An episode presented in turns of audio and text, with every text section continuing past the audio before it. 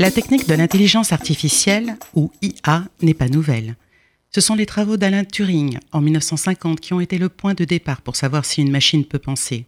Depuis, les géants de l'Internet, Google avec le programme Pair, Amazon avec le programme Destiny, Facebook avec Fair, Apple avec Siri et Microsoft, s'y intéressent de plus en plus au point d'assister à une véritable hégémonie américaine de l'intelligence artificielle, dans l'espoir de devenir sans doute, pour l'un d'entre eux, le leader mondial.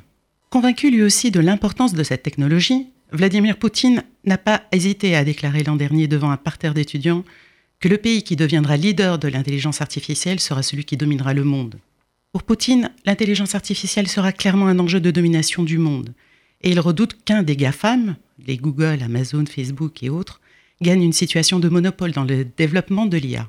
C'est sans doute pour cette raison que les GAFAM ont fondé l'organisation Partnership en IA, pour jouer collectif et définir un cadre de bonnes pratiques en matière d'éthique. Dans son dernier livre 21 leçons pour le 21e siècle, l'historien israélien Yuval Noah Hariri nous alerte de l'usage quotidien de l'intelligence artificielle par des dictatures comme la Russie ou la Chine pour surveiller et contrôler leur population. Bien sûr, la surveillance généralisée, comme le programme américain PRISM, relevé par le lanceur d'alerte Edward Snowden, n'est pas nouvelle. Même en 1949, le livre de George Orwell, 1984, avec son célèbre slogan Big Brother is watching you, ô combien prémonitoire, prenait déjà une surveillance totale de la société, portant atteinte aux libertés fondamentales et à la vie privée des individus. Mais pour Hariri, cette technologie intelligence artificielle est à craindre, car elle obéira toujours à ses maîtres humains.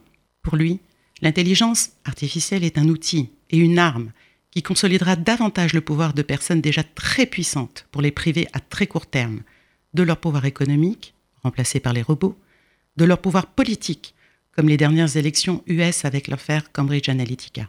Nul doute que la maîtrise des techniques comme la reconnaissance faciale ou le système de géolocalisation généralisée, préinstallés, je le rappelle, dans tous les portables, vont servir les gouvernements à un contrôle sans faille, comme c'est déjà le cas dans certaines dictatures comme la Chine. Gageons que la France ne cède déjà pas aux sirènes de Big Brother.